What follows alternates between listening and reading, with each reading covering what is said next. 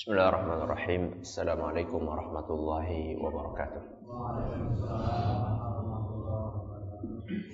Alhamdulillah rabbil alamin wa bihi nasta'in wa ala. Wa sallallahu ala Muhammadin wa ala alihi wa sahbihi ajma'in. Amma ba'd. Kita panjatkan puja dan puji syukur kehadirat Allah taala. Pada kesempatan malam yang berbahagia kali ini kita kembali diberi kekuatan, kesehatan, hidayah serta taufik dari Allah Jalla wa ala. Sehingga kita bisa kembali menghadiri pengajian rutin malam Senin di Musalla Al-Hidayah di Desa Kedungulu Purbalingga ini.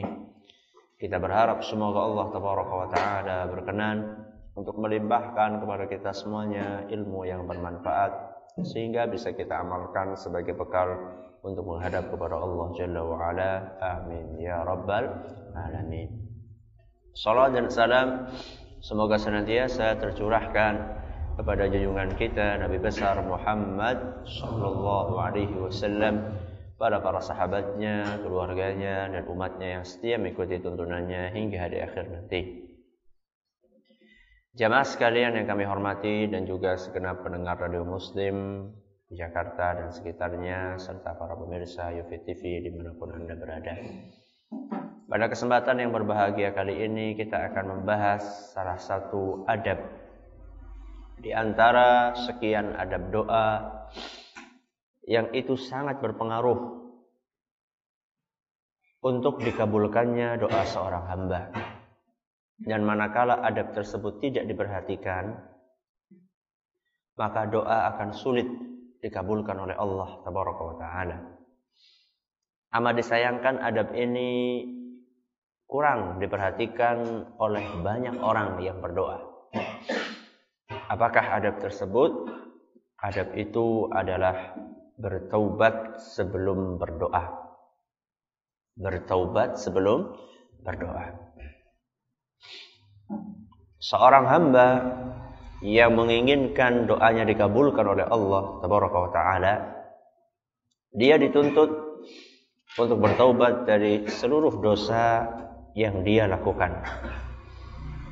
Dia mengakui dosa-dosa, maksiat-maksiat yang pernah dia lakukan sembari menyesali sekian perbuatan-perbuatan tadi kemudian bertekad bulat di masa yang akan datang tidak akan mengulangi perbuatan-perbuatan tersebut. Karena dosa yang menumpuk adalah salah satu sebab doa ditolak oleh Allah Subhanahu wa taala. Makanya sebagian ulama salaf mereka pernah mengatakan la tastabti'il ijabah wa qad sadatta turuqaha bil ma'asi. Kata mereka, janganlah engkau mengeluh. Kenapa kok doaku nggak segera di, dikabulkan? Pernah panjenengan berdoa belum dikabulkan? Pernah? Sering. Sering dikabulkan atau sering enggak? kata kata ulama salaf, janganlah engkau mengeluh. Kenapa doaku tidak dikabulkan? Tidak segera dikabulkan. Jikalau kata mereka, jikalau engkau telah menutup pintu-pintu dikabulkannya doa dengan perbuatan maksiat yang kamu lakukan. Jadi doa itu supaya dikabulkan ada pintunya. Pintu ini bisa kita masuk kalau pintunya di dibuka. Tapi seandainya pintu tersebut kita tutup dengan apa tadi? Maksiat, maka doanya akan sulit untuk di, dikabulkan. Jadi ketika kita merasa kenapa kok doaku belum dikabulkan? Banyak di antara kita punya kepentingan dan kebutuhan. Masing-masing punya kepentingan dan kebutuhan yang berbeda-beda. Ada yang kebutuhan mendesaknya adalah masalah rizki. Kenapa kok saya ndak? Ndak tidak kaya-kaya. Kenapa saya dari kecil sampai sekarang, kenapa mbahku, wong tuaku, buyutku, kok dari dulu sampai sekarang miskin sampai anakku, putuku dan seterusnya. Kenapa kok kami miskin terus? Ini kebutuhan rezeki. Ada orang yang kebutuhannya lain. Kebutuhannya adalah ingin memiliki anak yang soleh dan solehah. Kenapa kok saya punya anak sulit sekali untuk di diatur? Yang pelajar atau mahasiswa dia punya kepentingan supaya bisa lulus ujian atau lulus sekolah dan seterusnya kepentingan-kepentingan duniawi atau kepentingan ukhrawi. Kita punya kebutuhan ya Allah, saya pengen husnul khatimah. Atau orang yang sakit ya Allah, saya pengen sakit saya sembuh. Sekian banyak permintaan-permintaan dan permohonan yang kita butuhkan Kebutuhan-kebutuhan yang kita inginkan dikabulkan oleh Allah Subhanahu wa taala ternyata kok belum juga dikabulkan. Mungkin karena pintu dikabulkannya doa telah kita tutup rapat dengan banyaknya maksiat yang kita lakukan. Semakin banyak maksiat yang kita lakukan, maka pintunya akan semakin rapat. Semakin sedikit maksiat yang kita lakukan, maka pintunya akan semakin terbuka lebar. Kalau pintu rapet, pet, bisa masuk enggak? Enggak. Kalau misalnya dibuka dikit, bisa masuk enggak? Mandan ngelongok. Nah, bisa ngelongok, mandan dorong, dorong, dorong, dorong, lama-lama apa? Terbuka. Tapi kalau pintunya seperti ini nih, ya, terbuka lebar seperti itu. Apakah kita bisa masuk? Sangat mudah untuk masuk. Makanya ulama salaf tadi mengatakan, janganlah engkau mengeluh kenapa doaku nggak dikabulkan kalau seandainya engkau menutup pintu-pintu dikabulkannya doa dengan perbuatan maksiat yang engkau lakukan. Makanya dia ceritakan di dalam Sahih Muslim bahwa ada salah seorang yang diceritakan oleh Nabi Shallallahu Alaihi Wasallam dia dalam keadaan bepergian dan hadis ini sering kita bacakan. Dia dalam keadaan bepergian Kemudian di tengah jalan dia berdoa kepada Allah Subhanahu wa taala dengan mengangkatkan kedua tangannya. Sambil doanya diulang-ulang. Berarti dia melakukan sekian banyak cara supaya doanya di, dikabulkan. Kemudian pertama dia dalam keadaan bepergian. Kita sudah pelajari bahwasannya di antara doa yang mustajab adalah doa orang yang sedang bepergian. Dia bepergian. Kemudian dia tambah dengan mengangkat tangan. Maka tangan itu salah satu adab yang kalau seorang hamba melakukannya Allah akan malu kalau tidak di, dikabulkan. Sudah dua. Yang ketiga dia mengulang-ulang doanya. Dan salah satu sebab dikabulkannya doa adalah mengulang-ulang doa. Makanya Nabi SAW kalau berdoa berapa kali? Tiga kali. Kalau kita? Sekali. Itu pun itu pun seminggu sekali. Wis nungane seminggu sepisan, goleh ngucapaken kur kur sepisan, bayangkan. Nabi SAW doanya setiap hari diulang-ulang berapa kali? Tiga kali. Bayangkan dia orang ini sudah pertama dia dalam keadaan bepergian, safar. Yang kedua, dia mengangkat kedua tangannya. Yang ketiga, dia mengulang-ulang doanya. Tapi apa kata Allah Subhanahu wa taala? Fa anna yustajabu. Bagaimana mungkin doa orang seperti ini akan dikabulkan? Loh kenapa? Padahal dia sudah berusaha maksimal. Ada satu hal yang dilupakan sama orang tersebut. Kata Allah Subhanahu wa taala, "Wa mat'amuhu haramun, wa mashrabuhu haramun, wa malbasu haramun, wa ghudiya bil haram." Kata Allah Subhanahu wa taala, "Mat'amuhu haram," makanannya haram. Mashrabuhu haram, minumannya haram. Malbasu haram, pakaiannya haram. Wa ghudiya bil haram dan dikasih makan dengan sesuatu yang haram. Fa anna yustajabu. Bagaimana mungkin orang seperti ini akan dikabulkan doanya? Berarti dia melakukan maksiat enggak? Maksiat. Maksiatnya makan sesuatu yang haram. Sesuatu yang haram itu bukan cuma sekedar daging daging babi tok. Enggak. Daging sapi pun bisa berubah menjadi haram. Ketika uang yang digunakan untuk membeli daging sapi adalah uang yang haram. Ya. Minuman pun seperti itu, pakaian pun seperti itu. Ya. Pakaian yang haram itu bukan sekedar pakaian nyolong. Kadang-kadang pakaian yang kita beli pun bisa menjadi pakaian yang haram. Kalau misalnya duit yang dipakai adalah hasil dari apa sih korupsi negara? Kapan itu? Baru beberapa saat yang lalu saya ngisi pengajian di Cilongok. Saat itu saya cerita tentang korupsinya para guru. Korupsinya para ada nggak guru di sini? Korupsinya para guru itu kayak apa? Itu korupsi waktu. Korupsi apa? Waktu. Kudune mangkat jam itu, mangkatnya jam jam sanga. Kudune baline jam loro, baline jam jam 11 kok atau jam 12. Berarti dia korupsi waktu. Berarti kalau kayak gini gajinya apa? Gajinya apa? Nah, sebagian haram, sebagian halal. Sesuai dengan jam dia masuk. Kalau dia masuknya dari jam 9 sampai jam 12, berarti gaji dia yang halal dimakan ya dari jam 9, 10, 11, 12. Pirang jam? Telung jam. 9, 10, 11, 12, tuh 2, 3. 3 jam. Sisanya apa? Haram untuk dimakan. Nah, terus ada di akhir pengajian ada yang bertanya, Ustadz, kalau yang korupsi waktu kuli gimana Ustadz? Kuli apa? Kuli macul. Kuli macul. Kuli macul itu ada jamnya enggak? Ada. Masuk jam 7, pulang jam jam 11. Kalau misalnya masuknya jam 8, pulangnya jam setengah 11. Misalnya itu korupsi enggak? Ya korupsi sama saja saya bilang. Berarti gajinya juga sama saja. Ada yang halal. Iya sama saja. Jadi jangan dipikir saya ketika menyampaikan itu khusus untuk Khusus untuk PNS saja. Wah, alhamdulillah untuk PNS iki ora apa-apa. Sama saja yang namanya intinya korupsi ya, ya korupsi. Ya. Jadi ketika uang itu digunakan untuk membeli pakaian, maka pakaiannya menjadi pakaian yang haram. Sehingga apa? Sehingga doa yang dilantunkan akan sulit untuk dikabulkan oleh Allah Subhanahu wa taala.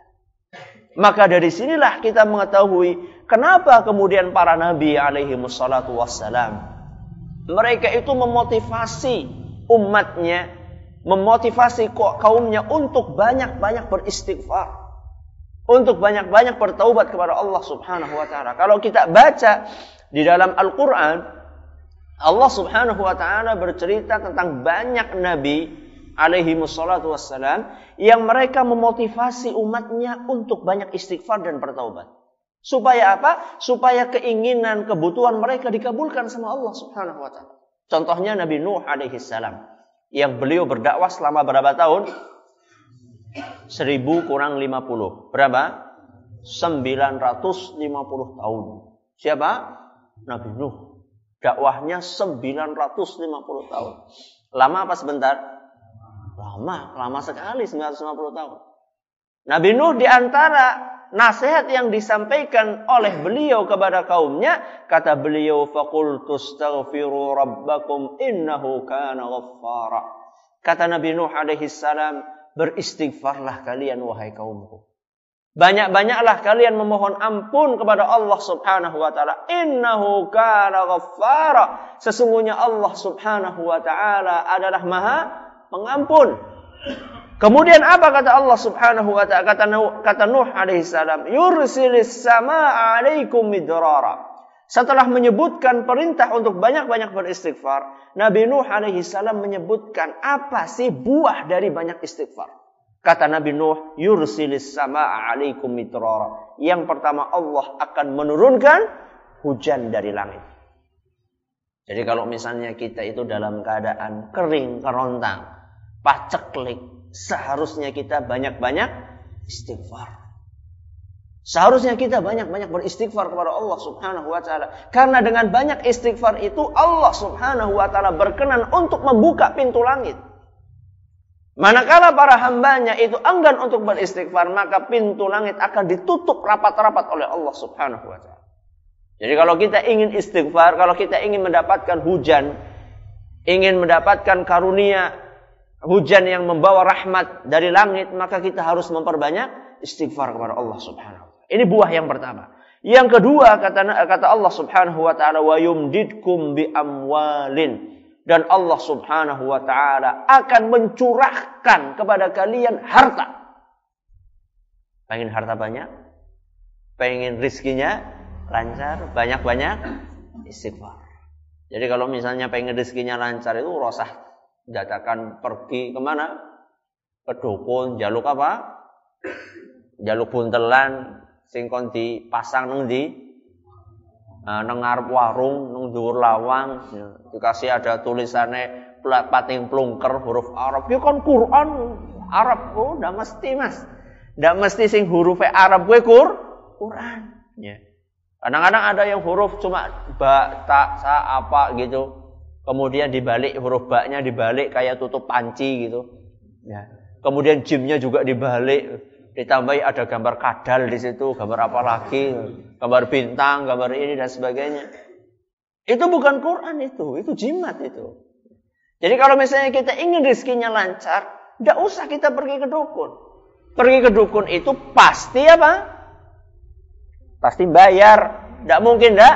Tidak bayar. Pengen rezekinya lancar malah duitnya metunggu bayar dukun. Bahkan saya pernah cerita di sini kalau tidak salah. Ada uh, di Tegal. Ada kiai terkenal namanya Kiai Centong. Kiai apa? Kiai Centong. Tahu Centong?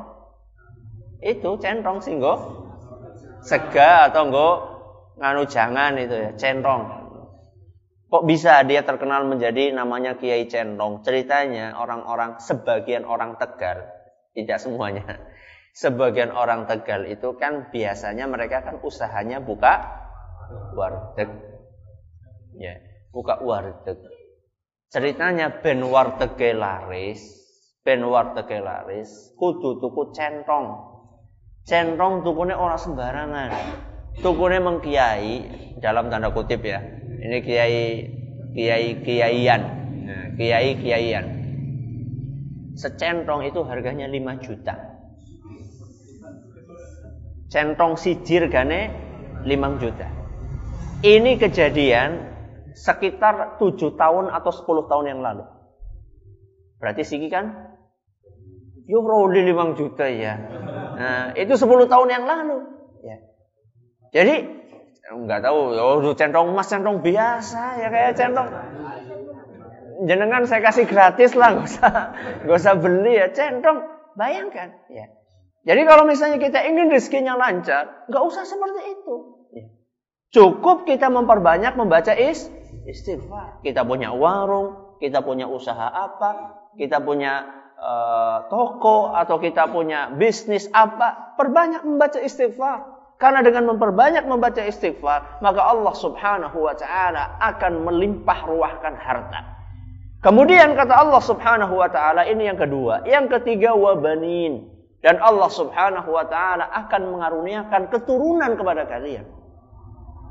Ini bagi yang mungkin sudah menikah tapi belum punya keturunan, salah satu cara yang diajarkan dalam Islam adalah dengan memperbanyak istighfar. Selain melakukan usaha-usaha manusiawi.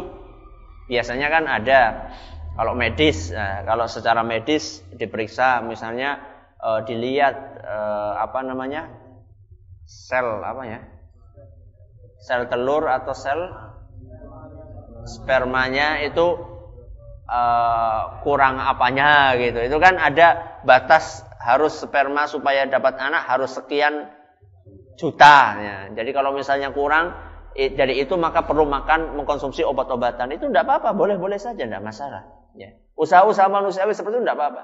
Kalau secara uh, ilmu tradisional ya katanya supaya memperbanyak makan cambah, cambah sing akeh, katanya seperti itu. Ya. Kalau dari uh, Pak Wan di sini cambah dok ya.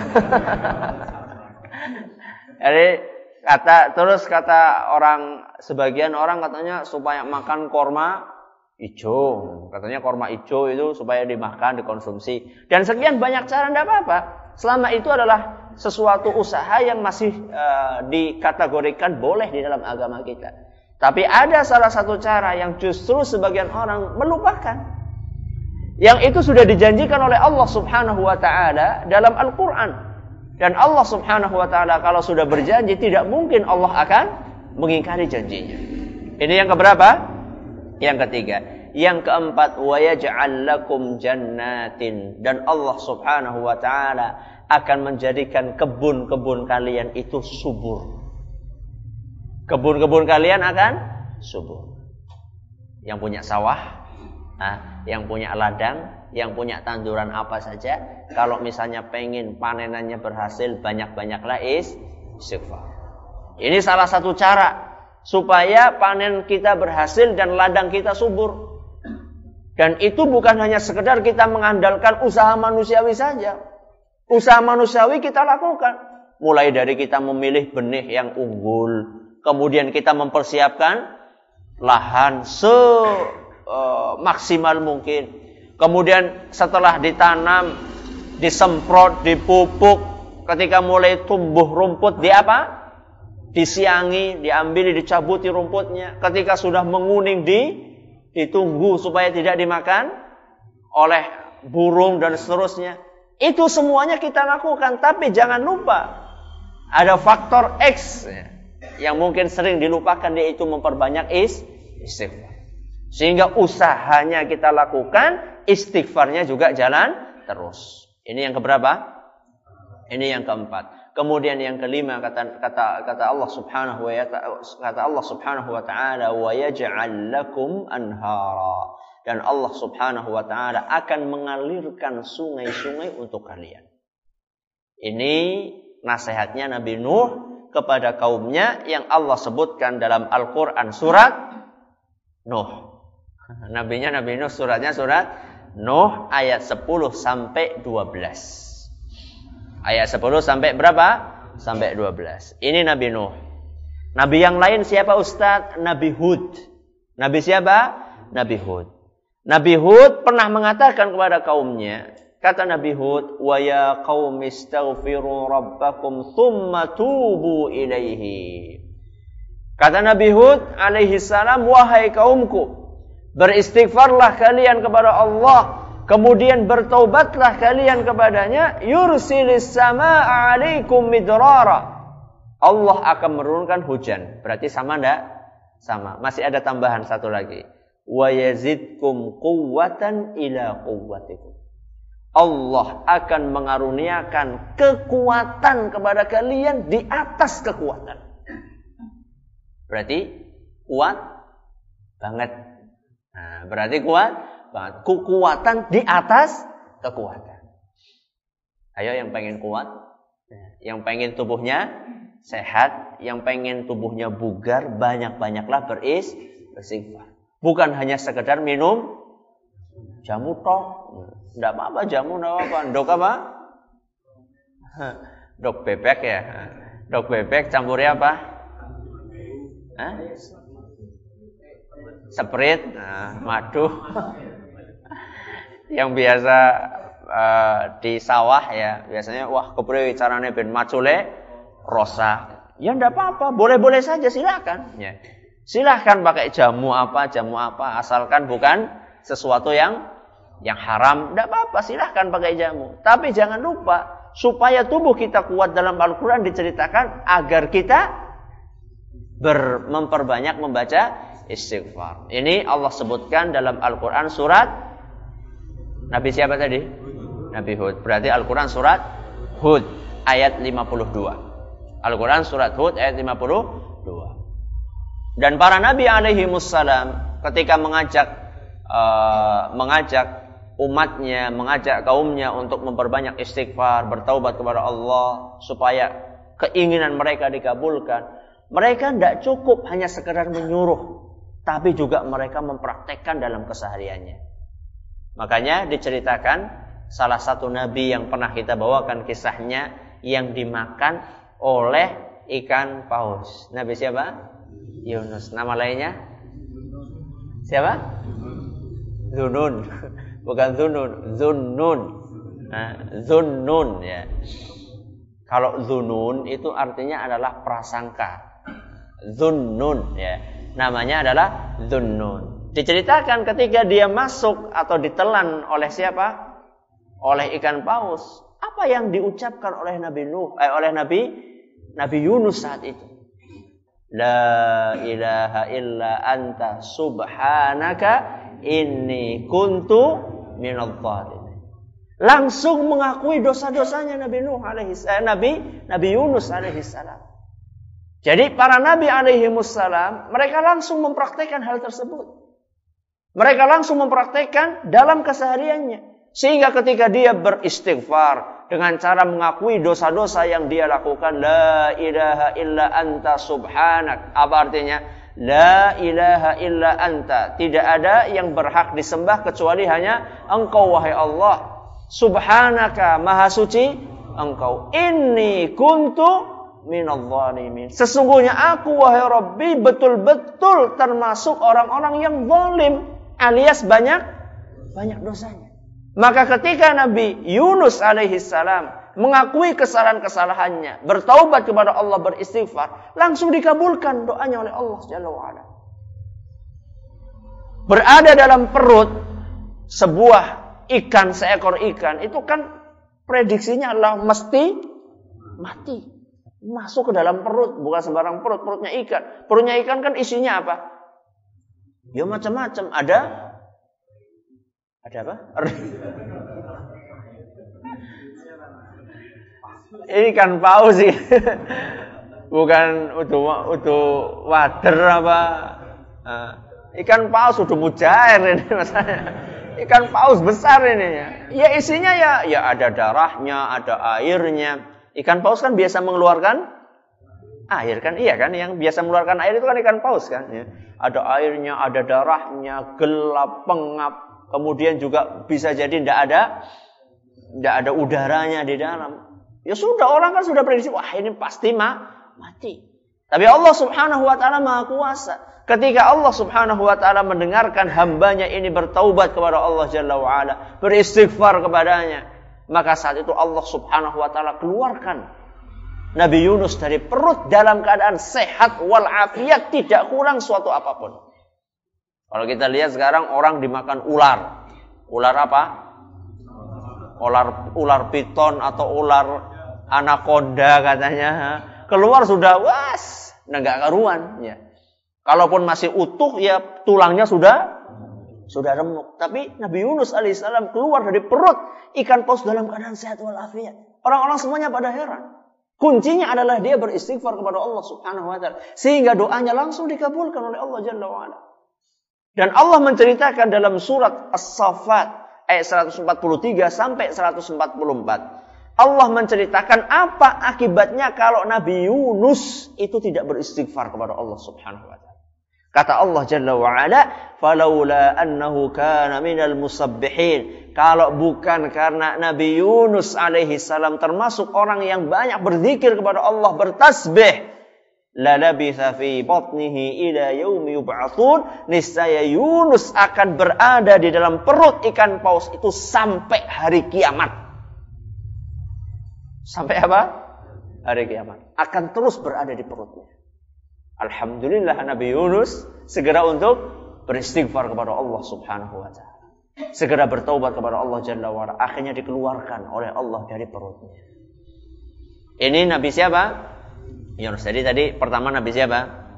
Nabi Nuh. Terus Nabi Hud. Terus Nabi Yunus. Tambah satu lagi Nabi kita Muhammad sallallahu alaihi wasallam. Sering kita bawakan hadis Nabi Shallallahu Alaihi Wasallam yang mengatakan, Istighfiru ya ayuhan nas tubu ilaihi wastaghfiruh. Wahai para manusia, bertaubatlah kalian kepada Allah dan beristighfarlah. Ini perintah dan nasihat dari Nabi Shallallahu Alaihi Wasallam kepada umatnya. Wahai umatku, perbanyaklah istighfar, bertaubatlah kalian kepada Allah. Fa inni atubu ilaihi fil yaumi mi'ata. Sesungguhnya saya bertaubat kepada Allah dalam sehari berapa kali? Seratus kali. Bayangkan seratus kali. Sekarang kalau misalnya kita mau hitung-hitungan, ya seratus kali. Kalau dalam satu hari 24 jam. 24 jam. Berarti setiap apa Nabi SAW beristighfar? Sekarang dikalikan coba yang bawa yang yang enggak saya guru matematika saja lah. 24 kali 60 menit. Berapa?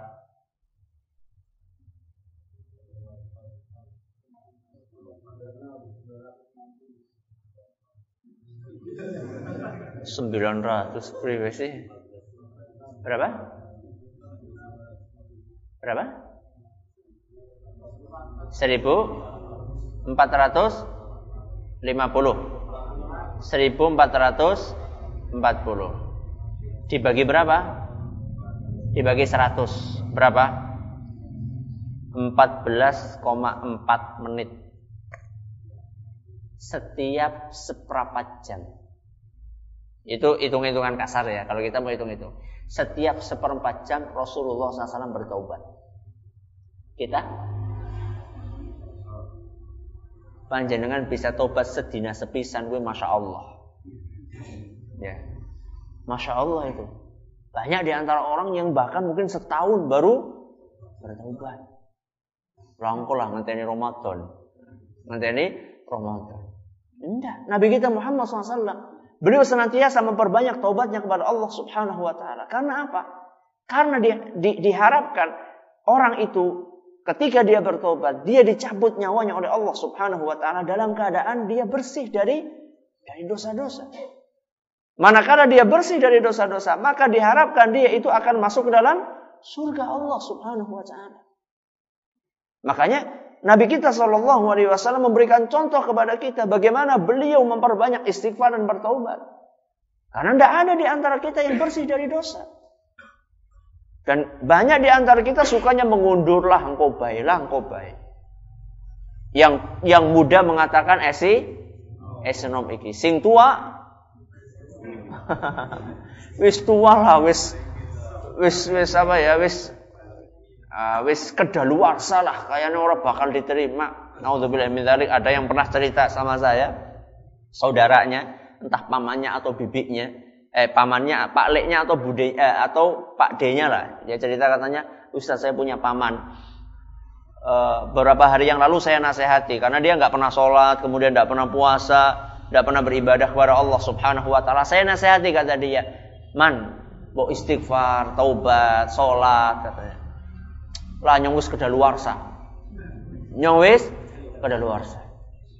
Kata kata jamaah pengajian itu, subhanallah Lima menit kemudian, setelah dia ngomong, kejet-kejet dan mati. Baru ngomong apa? Nyongwis luar.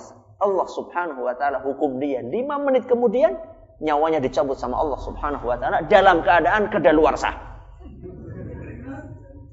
Alias tidak beri ibadah kepada Allah subhanahu Maka jangan sampai kita mengeluarkan kata-kata tersebut. Na'udzubillah min Mestinya orang yang beriman ketika mendengar kisah-kisah nyata seperti itu, mestinya dia itu mengambil pelajaran. Ya. Yang muda segera untuk bertobat kepada Allah Subhanahu wa taala. Yang tua jangan merasa lah wis itu seorang mungkin di diampuni jangan. Masing-masing berusaha untuk memperbanyak istighfar, mencontoh Nabi kita Muhammad sallallahu alaihi wasallam.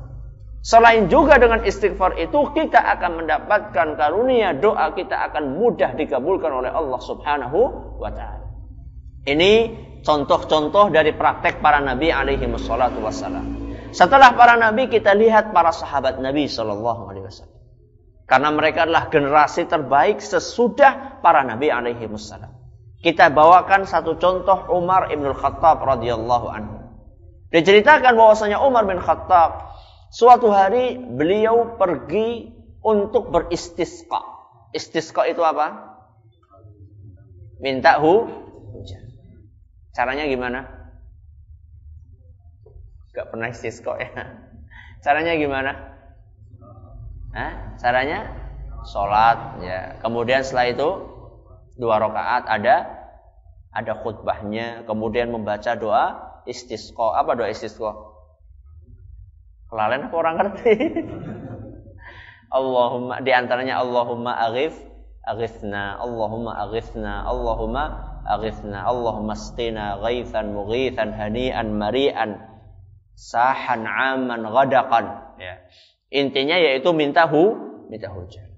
Suatu saat Umar bin Khattab keluar untuk beristisqa ke lapangan.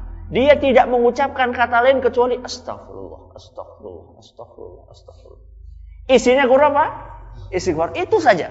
Tidak nambah dengan Allahumma aghithna ya Allah turunkan. Enggak, cuma istighfar saja. Astagfirullah, astagfirullah, astagfirullah. Atau astagfirullahaladzim alladzi la ilaha illa huwal hayyul qayyum wa atubu ilaih. Isinya cuma itu saja. Atau mungkin ditambah dengan sayyidul istighfar. Apa sayyidul istighfar? La ilaha illallah wahda la syarikalah lahul mulku wa lahul hamdu wa huwa ala kulli syai'in qadir. Isinya cuma istighfar saja. Beberapa saat kemudian Allah Subhanahu wa taala menurunkan hujan yang sangat lebat. Akhirnya Umar ditanya, "Wahai Umar, kamu keluar istisqa kok engkau nggak sama sekali mengucapkan ya Allah turunkanlah hujan?"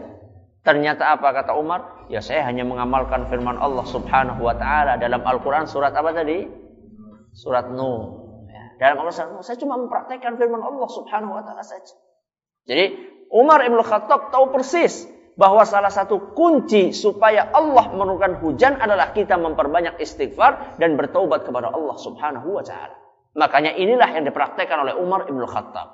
Ini contoh dari siapa? Dari kalangan sahabat. Yang terakhir, contoh dari kalangan tabi'in. Saya bawakan contoh dari Al-Imam Al-Hasan Al-Basri. Siapa? Al-Imam Al-Hasan Al-Basri. Ceritanya, suatu hari Al-Hasan Al-Basri ini didatangi oleh orang yang mengeluh. Wahai imam, saya ini kok miskin terus dari dulu sampai sekarang. Saya ini kok miskin terus. Apa nasihat kamu supaya saya cepat kaya?